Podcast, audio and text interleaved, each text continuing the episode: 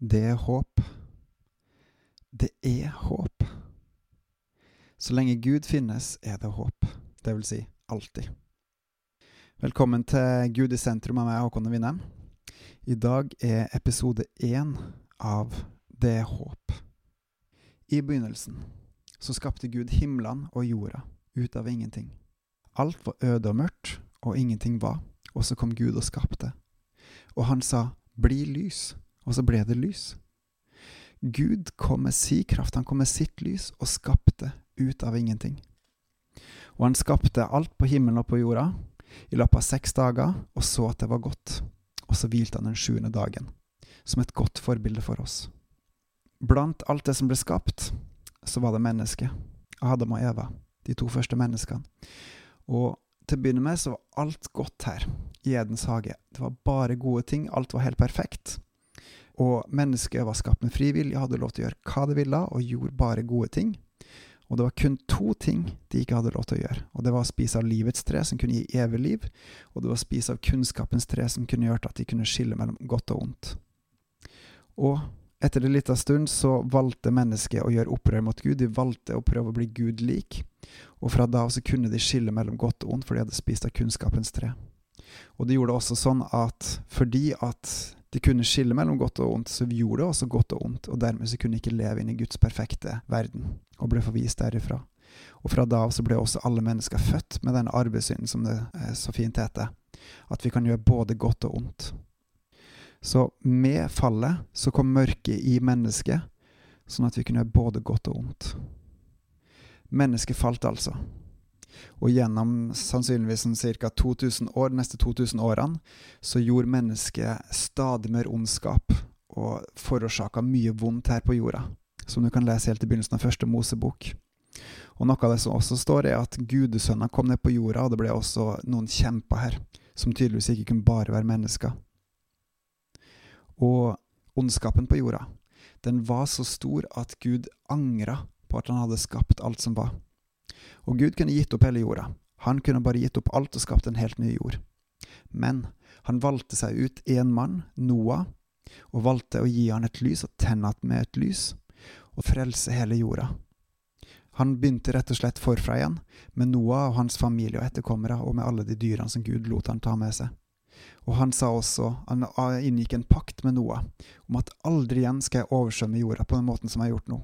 Aldri igjen, og mitt paktstegn, det er regnbuen. Så en ensidig pakt fra Guds side. Gud skal aldri oversvømme jorda igjen.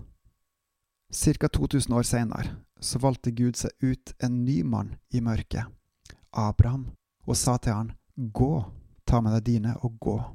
Og Abraham gjorde det. Og han sa etter hvert til Abraham, som stolte på han, at jeg skal reise opp et nytt folk gjennom det, et folk som skal føre til frelse for alle folkeslag. Og Abraham trodde Gud og ble regna rettferdig.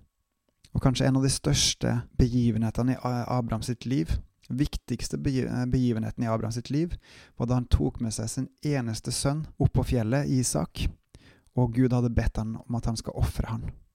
Og så kan man spørre hvorfor gjorde Gud det her? Og da tror jeg det er en todelt grunn til det. For det første så ville Gud sjekke om Abraham virkelig stolte på han. Og nummer to, på den tida så var det vanlig med menneskeofring. Også i god stund etterpå det var vanlig med menneskeofring. Og det var en styggedom for Gud. Han ønska virkelig å sette en stopper for det, og si at dette skal menneskene ikke gjøre. Så han tok rett og slett et oppgjør med det onde gjennom Isak, og så fikk han også vist Abraham at Gud han er til å stole på. Så Gud sier rett og slett til Abraham, følg med, det er godt. Hvor rart, hvor svært, hvor gigantisk, hvor underfullt det er at Gud velger ut oss mennesker til å råde over jorda, til å råde over alt i himmelen og på jorda og i havet, til å eh, forplante oss og legge jorda under oss.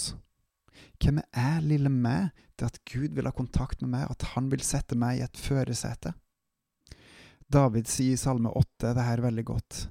Herre, vår Herre, hvor herlig ditt navn er over hele jorda, du som har utbredt din prakt over himmelen.